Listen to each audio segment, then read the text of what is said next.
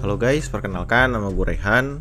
Gue seorang laki-laki berusia 25 tahun. Kegiatan gue bekerja di salah satu perusahaan multinasional sebagai seorang marketing. Oke, buat yang pertama kali dengar podcast ini Dan penasaran sebenarnya apa sih podcast ini gitu.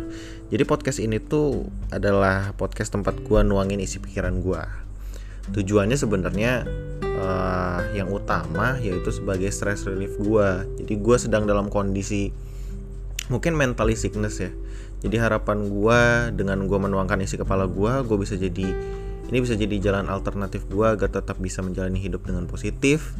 Terus ya syukur-syukur bisa sama-sama sharing sama kalian gitu.